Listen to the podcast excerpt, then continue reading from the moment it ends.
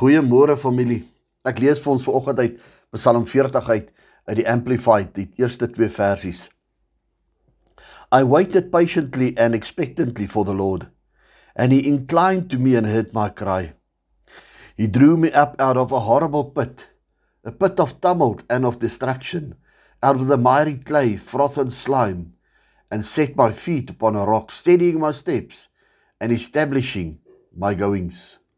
Wanneer ek van 'n put lees dat en nou Dawid skryf nogal baie oor toe hy in 'n put en, en daai dinge. Dan dink ek aan altyd aan aan mense wat se hartstoestand nie op 'n goeie plek is. Die mense se se wese is nie op 'n goeie plek nie. Mense is geneig om na die na die na die negatiewe deel van die lewe te gaan en die, dit is asof die vrede gesteel is en dit weg is. Maar hier kom ou Dawid en hy sê vir ons um in vers 1 I waited patiently and expectantly for the Lord and he God inclined to me and heard my cry. Daar is iets wat ou Dawid gedoen het en en en en die skrif sê uh en God het homself neergebuig na Dawid toe. En en nou gaan vers 2 hy sê en hy en hy drew me up out of horrible pit. Hy het my uit 'n put uitgetrek, 'n put wat vol klei en slyk en 'n 'n put vol drek, 'n put vol gemors. En toe doen die Vader iets met ou Dawid. Hy Die skrif sê and he set my feet upon a rock. Hy het my op die rots gesit. Hy het by daar waar ek nie meer kan sink nie, daar waar ek vas staan, het hy my gesit. Steadying my steps. Met ander woorde, hy hy het nou weer ons beweging, ons ons wandel, ons het hy het hy 'n uh, uh, stabiliteit verskaf. Hy sê en dan verder hy sê and establishing my goings. En God het bepaal hoe dit met my van toe af sal gaan. Ek moet jy my sussie maar om op 'n plek te kom waar jy uit die put uitgehaal word deur God, jou op 'n rots geplaas te word en dan om te bepaal hoe dit met jou sal gaan. Ehm um, moes Dawid iets doen. En dit is in vers 1.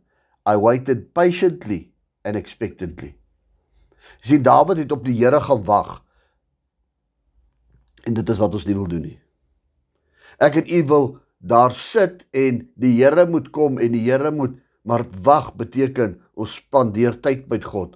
Ons gaan in sy binnekamer in by God. Ons kom en ons sit ons oor teen sy bors soos Johannes. Ons hoor God se hart klop. O, ons ons wag op die Here. Ons gesit nie op 'n busstop se se bankie en sit daar en wag dat die Here nee. In ons wagtydperk is daar sekere dinge wat ons moet implementeer sodat God homself kan neerbuig wat die Bybel sê sodat God ons ons uit die gat kan uithaal sodat God ons voete kan neersit op 'n rots sodat God ons weer op 'n plek kan kry om ons tree vir ons terug laat dat God weer kom en ons vir ons stabiliteit in ons lewe gee. Daardie wagperiode beteken ons sit en wag vir die Here met met gebed. Ons sit en wag by die Here met 'n soeke in sy woord. Ons sit en wag op die Here en mediteer op hom. Ons sit en wag by die Here met lofprysing en gesange. Dis hoe ons wag. Maar daar's ook 'n ander ding wat hy daarso sê in in in die eerste vers. Hy sê I waited patiently and expectantly. In in Hebreërs 6 vers 11 kom die skrif en hy sê, ehm um, sonder geloof is dit onmoontlik om God te behaag, maar die wat tot hom gaan moet weet dat hy 'n beloner is van die wat hom soek.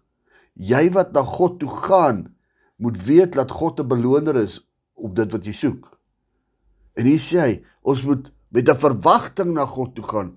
Verwag dat hy vir ons gaan deurbreek. Verwag dat hy ons uit hierdie gat uit gaan haal. Verwag dat hy ons voete op die rots gaan sit. Verwag dat hy uh, ons tree weer gaan rig. Verwag dat hy stabiliteit in ons lewe gebring. Ons moet nie net daar sit nie en wag nie.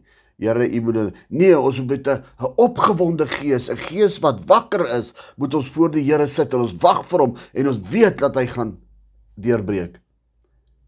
amper soos wanneer ek en jy uh na 'n restaurant toe gaan en ons gaan sit om by tafel en ons gee ons bestelling vir die kelner of die kelnerin. Dan verwag ons wanneer daar 'n bord voor ons neergesit is, dit is wat ons gevra het. Ons het ons het steak en chips bestel en ons verwag dat steak en chips op die bord kom. En die oomblik as daar spaghetti en maalvleis kom, dan wil ons dit nie hê nie, want dis nie wat ons voorgewag het nie, want dis nie wat ons bestel het nie. As jy nou op die Here wag, jy sit jou bestelling in en dan sit en wag jy dat God dit vir ons bring, maar jy moet verwag dit wat jy ge ge gevra het. Jy moet wag dat hy dit wat hy doen vir ons gaan doen. Want hy sê hy sal. Hebreërs 11 vers 6 sê as ons die geloof het, sal God die beloner wees van dit wat ons soek. Hy sal, maar ons moet dit verwag dat hy dit gaan doen. As ons na die bankteller toe gaan met daai kaart in die hand en ons druk hom so binne in daai slot in. Ons tik 'n klomp goedertjies daarin en dan sê die masjien vir ons iets te terug. Dan maar die oomblik wanneer ons soen toe stap nog dan verwag ons as ons omdraai by daai masjien het ons geld in ons hand. Ons verwag dat daai ding vir ons iets moet gee.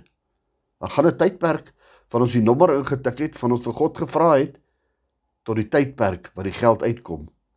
Maar ons staan daar en wag vir 'n tydperk met 'n verwagting dat hy nou gaan geld uitgee.